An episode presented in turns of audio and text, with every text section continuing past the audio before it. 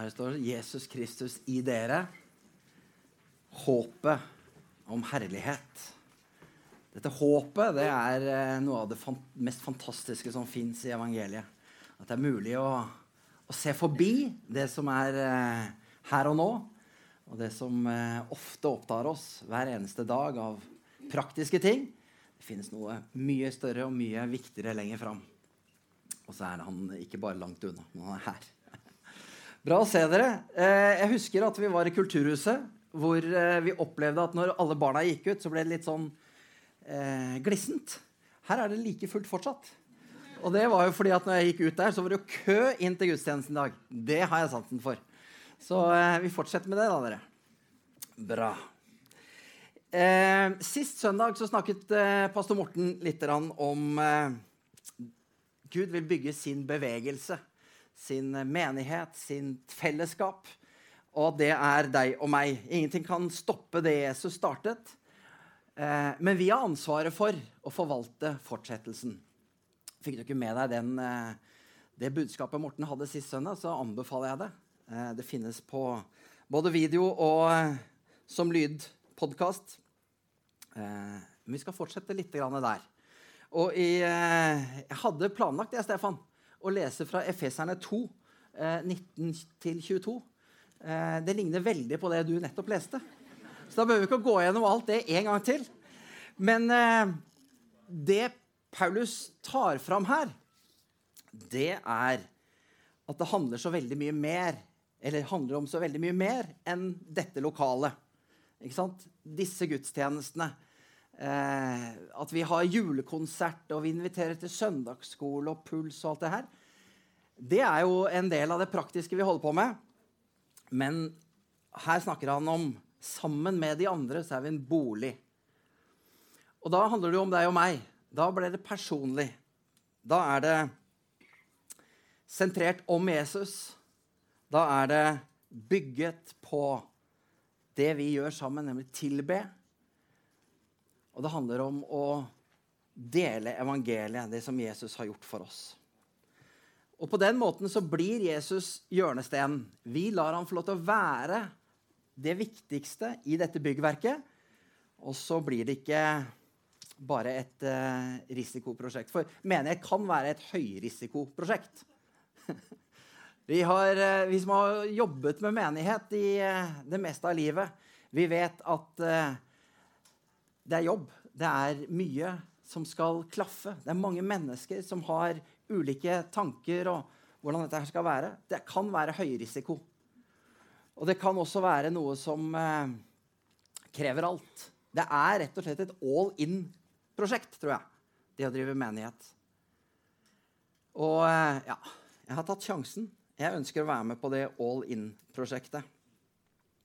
Og jeg tror at eh, det er vanskelig å drive menighet halvhjertet og på deltid. Jeg tror det handler om at vi må rett og slett gi oss til Han, som er starten og enden, begynnelsen og enden, på alt som menighet handler om.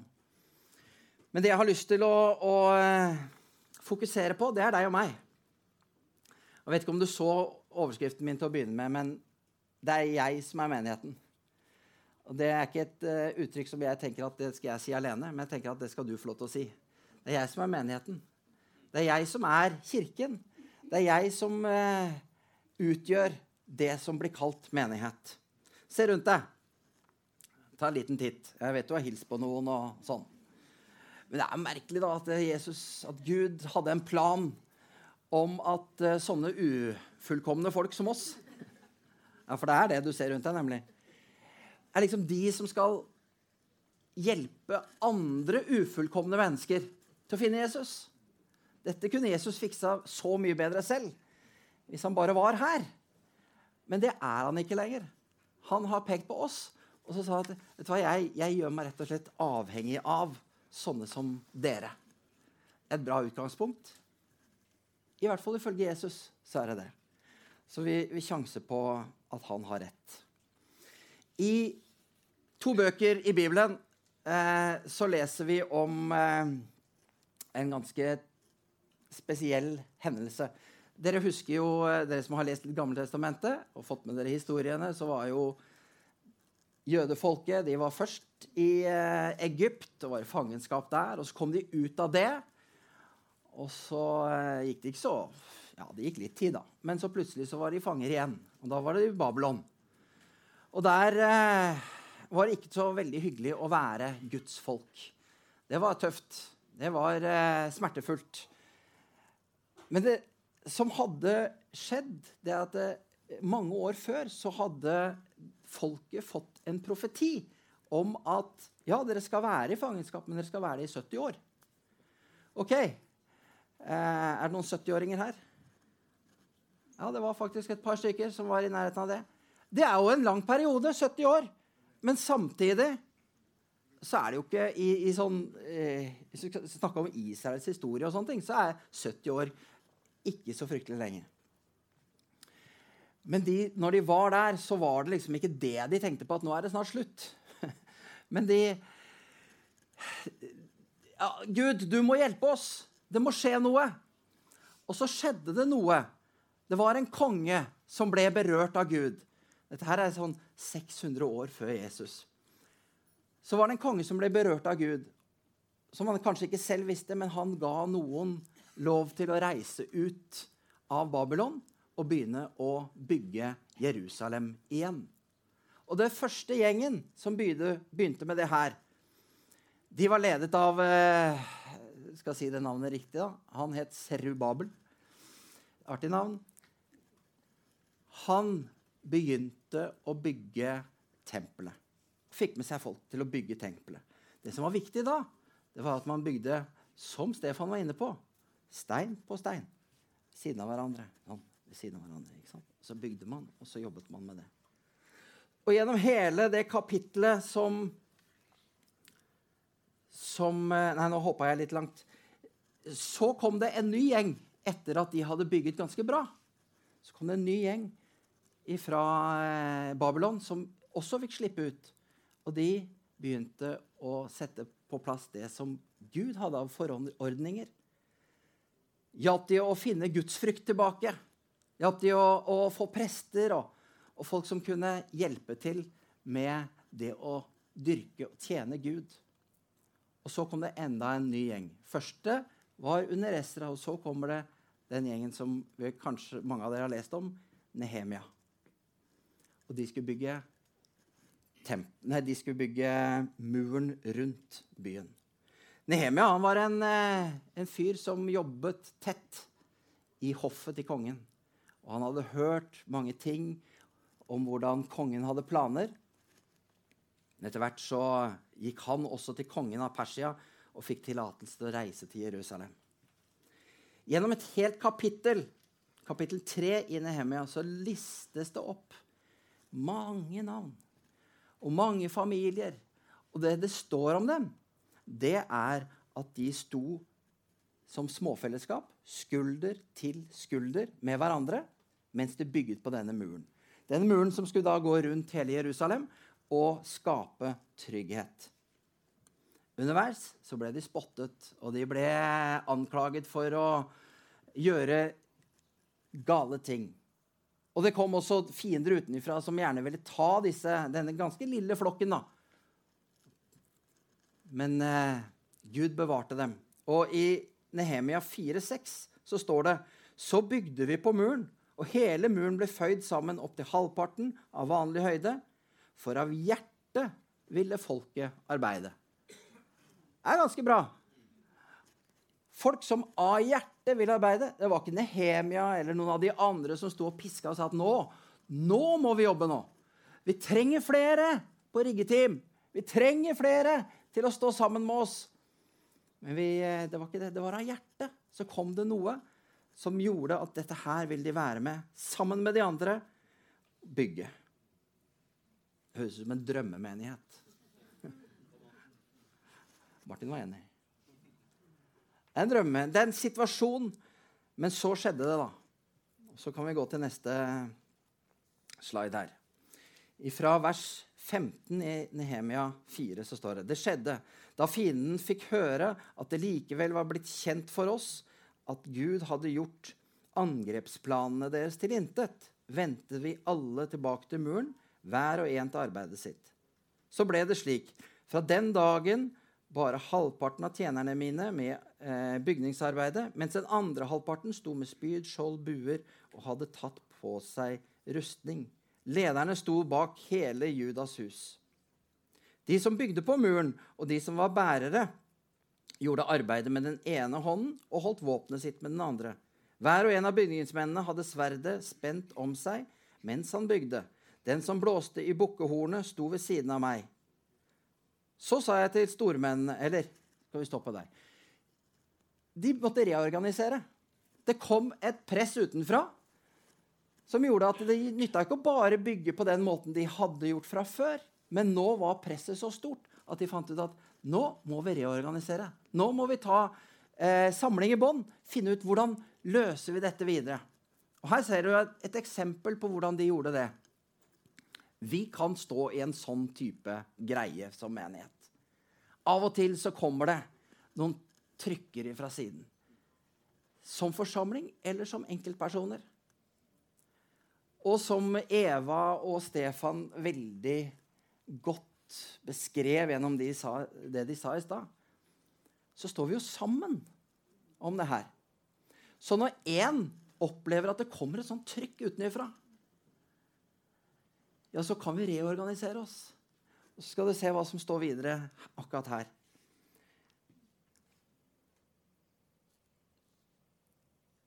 Hvor langt var jeg kommet? Var de eh, der, sa jeg. Så sa jeg til stormennene, forstanderne og resten av folket. Arbeidet er stort og omfattende, og vi står langt fra hverandre på muren. Her var det en gjeng som altså jobbet akkurat sånn som de skulle, med kanskje sverd eller noe annet i den ene hånden, og så jobbet de med den andre. Sånn som de hadde fått beskjed om. Men så sier de altså vi står litt for langt fra hverandre. På det stedet der dere hører lyden av bukkehornet, der skal dere samle dere sammen med oss.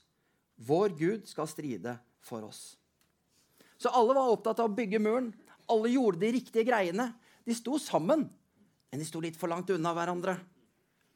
Sånn at når motstanden kom, så var de litt for sårbare. Alle var opptatt av de riktige arbeidsoppgavene. Det som var tildelt dem. Det de opplevde som sin tjeneste. Det de opplevde som at Gud hadde kalt dem til. Det var de trofaste mot. Men så ble trykket utenfra stort.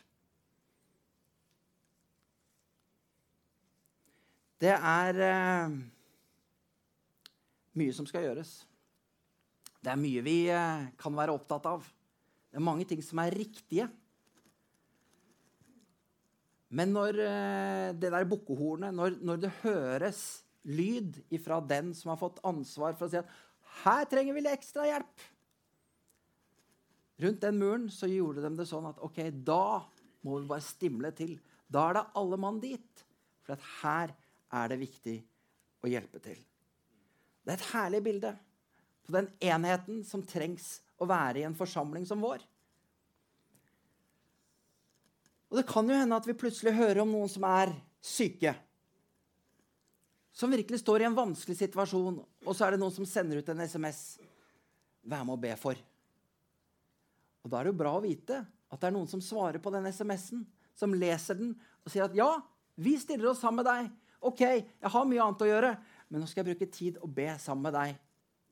Eller kanskje det er en som har fått jeg vet ikke, hull i taket på huset sitt. Og det ødelegger jo familien. Det ødelegger hverdagen. Så er det noen som sier fra Kan vi stille opp en gjeng? Vi har hatt så mange eksempler på det i den kirken her, at folk stiller opp. For å ta noen av de store tingene Vi hadde en asylsøkervekkelse, har vi brukt å kalle den. Men vi startet et arbeid hvor vi inviterte noen nye landsmenn til Pinsekirken og sa at eh, vi har lyst til å bli kjent med dere, og så har vi lyst til at dere skal bli kjent med Jesus. Og så begynte det å rulle på seg. vet du. Det kom så mange mennesker. Og jeg skal love deg at det var mange som blåste i horn og sa at 'nå trenger vi hjelp'. Og det skjedde. Det var så mange mennesker som ikke kunne et ord. Farsi eller arabisk eller hva det var vi hadde vært en fordel å kunne da. Men det var veldig mange mennesker som elsket andre mennesker. Så tenkte at her trenger vi en gjeng som står på. For noen år siden så var eh, barnearbeidet vårt, før det het PK Kids, så lå det litt nede for telling. Vi hadde få medarbeidere. Vi hadde ingen hovedledere. Og det ble blåst i et sånt horn, på en måte. Sagt at vet du hva, nå må vi samle oss i bånd. Nå må vi finne ut av hvordan gjør vi det her. Og så var det en gjeng som samlet seg. Og så var det noen som rakk opp hånda og sa at jeg tar ansvar. Vi tar ansvar. Tor og Wanda var blant de som sa det. Ja, det var et sted i muren hvor det trengtes litt ekstra arbeid. Pulsgjengen i dag Har dere sett hvor mange ledere det er? Jeg vet ikke om dere har fulgt med på Instagram og følger den gjengen der. Men det vokser. Og det er fordi at på et tidspunkt så lå alt nede. Jeg husker godt den gangen hvor det var ingenting av ungdomsarbeid i Pinsekirken. Det var vondt, det var tungt. Vi opplevde at det var et angrep, på en måte. Og så er det noen som begynner. Hvis du ser det som er i dag, så blir jeg Ja, du hører det. Jeg blir litt rørt av det. Det er så mange sånne eksempler i vår historie. Jeg skal hoppe litt. Rann. Det som skjedde i denne gjengen her, og det som lett kan skje i en menighet, er jo at mismot, at uh, kritikk og negativitet tar over. Og så blir det det som blir fokuset. Men da er det noen som må tale troens ord. Så eh, hvis vi hopper til Nehemia 4,14 Så etter at det da hadde begynt å spre seg mismot og negativitet, så sier han Jeg så utover og gikk frem og sa til de fornemme mennene, til forstanderne, til resten av folket. Frykt ikke for dem. Tenk på Herren, den store, den fryktinngytende, og strid for deres brødre, deres sønner, deres døtre, deres koner og deres hus. Nehemia hadde noe i sitt hjerte av en troens ånd og hadde evne til å tale det ut til folk. Vi trenger noen sånne. Vi trenger noen som tør å si tydelig og klart Jesus har vist meg at det finnes en framtid. Det er et håp. Og når muren da eh, Man tenker at ja, den kommer til å rase sammen snart hvis ikke noen eh, tar tak. Ja, så kommer det noen og sier Gud har en plan for oss.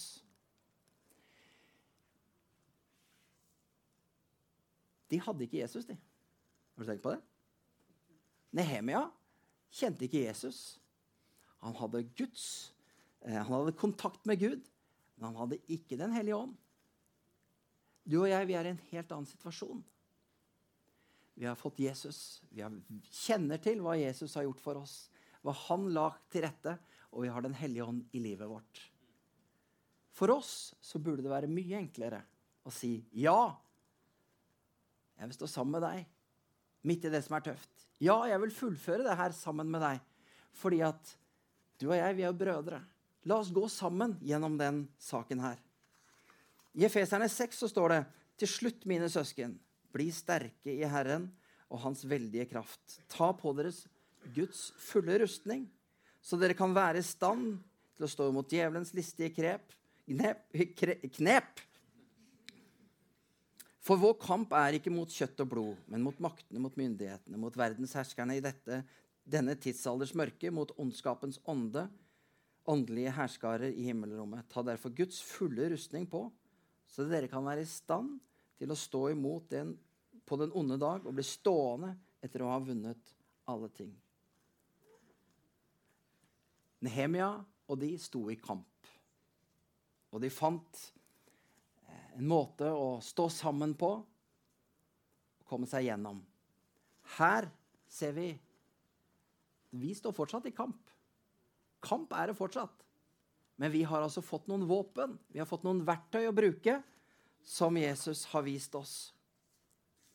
Når vi eh, har denne visjonen over Pinsekirken, som sier at vi vil bygge en sunn og betydningsfull menighet gjennom livsnære relasjoner og Guds kraft, så tenker jeg at det her kan inspirere, det kan utfordre, Men det kan også passivisere. Jeg tenker jo altså Det er mulighet her for at det, det kan gjøre oss veldig kravstore. Hvordan, hvordan, leser du visjonen? Har du tenkt på det? Noen av oss har den nesten utenat. Andre har lest den noen ganger. Har du reflektert? Hvordan leser du den? Nja, de, de åndelige, Pastoren og de andre åndelige lederne i kirken her, de bør sannelig passe på at undervisningen på søndagene er av sunn karakter. At det bygges sunt lederskap. At det er eh, Passe på at lederne og medarbeiderne lever sunne liv. Morten, det må du passe på. Eller skal vi markedsføre oss så vi er sikre på at vi blir eh, betydningsfulle? For det er viktig. Alle vet hvem Pinsekirken er. Det er jo da vi blir betydningsfulle. Så eh, der er det en jobb å gjøre. Eller at ledelsen må passe på at vi får strukturer som gjør at vi får disse livsnære relasjonene virkelig til å fungere. Stefan, du og jeg, vet du. Det skal vi fikse. Sånn kan vi lese visjonen. Vi skyver den bare foran oss og tenker at ja, det der er store vi. Det er det som er å bygge. Men jeg tror at det handler om meg. Det er jeg som er menigheten. Det er jeg som må passe på at mitt liv matcher det her. Hvis jeg tror at dette er visjonen for Pinsekirken, ja, så er det jo visjon for meg, da. Da handler det om meg, akkurat som de som bygde på denne muren, de som sto og bygde tempelet. De sto skulder ved skulder. Og så sa de at ja, jeg vil være betydningsfull for deg. Ikke sant? Det er sånn vi blir en betydningsfull menighet livsnære relasjoner, får bare det dersom jeg velger å være livsnær med deg. Det er som jeg tør å åpne, sånn som Eva sa. At det er noen som vet mer om meg enn det de fleste gjør. Da kom vi tett på hverandre. Vi var på guttetur, eh, noen av oss, og gikk en fjelltur. Ganske lang, og eh, noen av oss ble ordentlig slitne. Det som er bra med sånne turer, det er at du kommer tett på hverandre. Selvfølgelig får vi prata om mye tull, men også mye bra. Så at man går ved siden av hverandre i timevis, og så kommer det ene etter det andre. Vi blir kjent. Det er livsnært. Men så ser jeg også at uh, den ved siden av meg kanskje trenger hjelp. Det var noen som gikk ved siden av meg og tenkte helt sikkert at han trenger hjelp. Da skulle vi dele på gåstaver eller eh, knebeskyttelse eller hva det skulle være. da, ikke sant? Men eh, hadde vi ikke gått sammen, hadde vi valgt å gå liksom at ok, da begynner du, og så kommer jeg fem minutter etter, så hadde vi jo gått samme tur. Men vi hadde jo aldri kunnet hjelpe hverandre. Håpløst måte å gå tur på. Og det skjønner jo alle. Derfor så gikk vi i ganske samla flokk. Kan vi ikke fortsette med det som menighet òg, dere? Gå i samla flokk. Det gjør oss bra. Jeg tror det. Og det siste jeg har lyst til bare å løfte fram, det er at eh, etter at Esra og Nehemia og sånn de hadde bygget og satt inn prester og gjort det trygt og godt, så valgte allikevel folk å gå sin egen vei. Nok en gang etter alt det her som Gud hadde lovet at de skulle bli utfridd fra Babylon og inn i noe fantastisk. Og lederne, profetene og alle sammen, de bygde dette her sånn som Gud hadde sagt. Alt burde vært helt perfekt. Allikevel så valgte folket å se andre veier. Vi har fått Jesus. Vi har fått Den hellige ånd. Vi har muligheten til å velge den veien. Og jeg tror at hvis jeg skal slå et lite en enda et lite slag for life, så er det at du trenger noen å gå tett sammen med i livet ditt. Jeg er, sammen med Stefan, leder for Life. Arbeidet her i kirken. Men jeg er også del, sammen med Tove, kona mi, i en Life-gruppe. For der kan vi dele vårt liv. Og så kan vi være med og hjelpe andre som deler sitt liv, til å gå et hakk til med Jesus. Så jeg eh, bare oppfordrer deg. Finn deg en life-gruppe. Men det aller viktigste, om det er en life-gruppe her eller en annen menighet Du trenger noen du deler livet med, og som du står skulder til skulder med. For det tror jeg Gud har kalt oss til. Mitt liv er en, eh, et bevis på, på mange måter, at det å stå sammen med noen har redda meg dit jeg er. Det har vært familien min, det har vært vennene mine, det har vært kona mi. Men det har også vært denne menigheten. De life-gruppene eller småfellesskapene jeg har vært en del av. Vær i et småfellesskap. Finn deg noen som du kan dele livet med. Den hellige ånd ønsker det for ditt liv.